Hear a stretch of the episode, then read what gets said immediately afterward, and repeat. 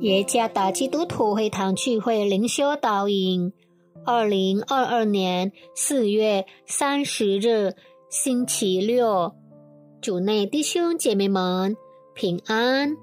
今天的灵修导引，我们会借着圣经诗篇七十一篇第九节来思想今天的主题：神的同在直到家里。作者。以马内利牧师诗篇七十一篇第九节：我年老的时候，求你不要丢弃我；我力气衰弱的时候，求你不要离弃我。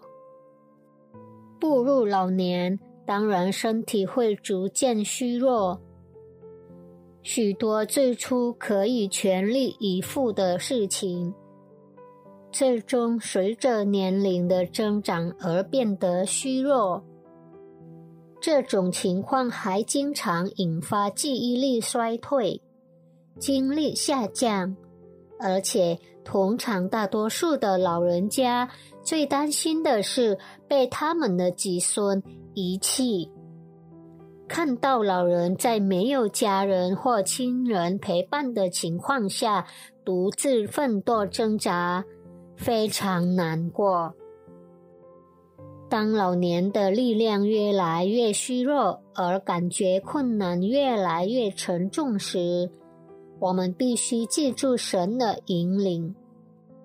诗人在神面前晓得自己的生命。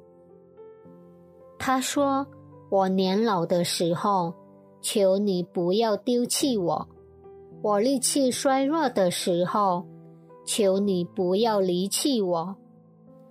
诗人只把希望寄托在成为他力量基础的神身上。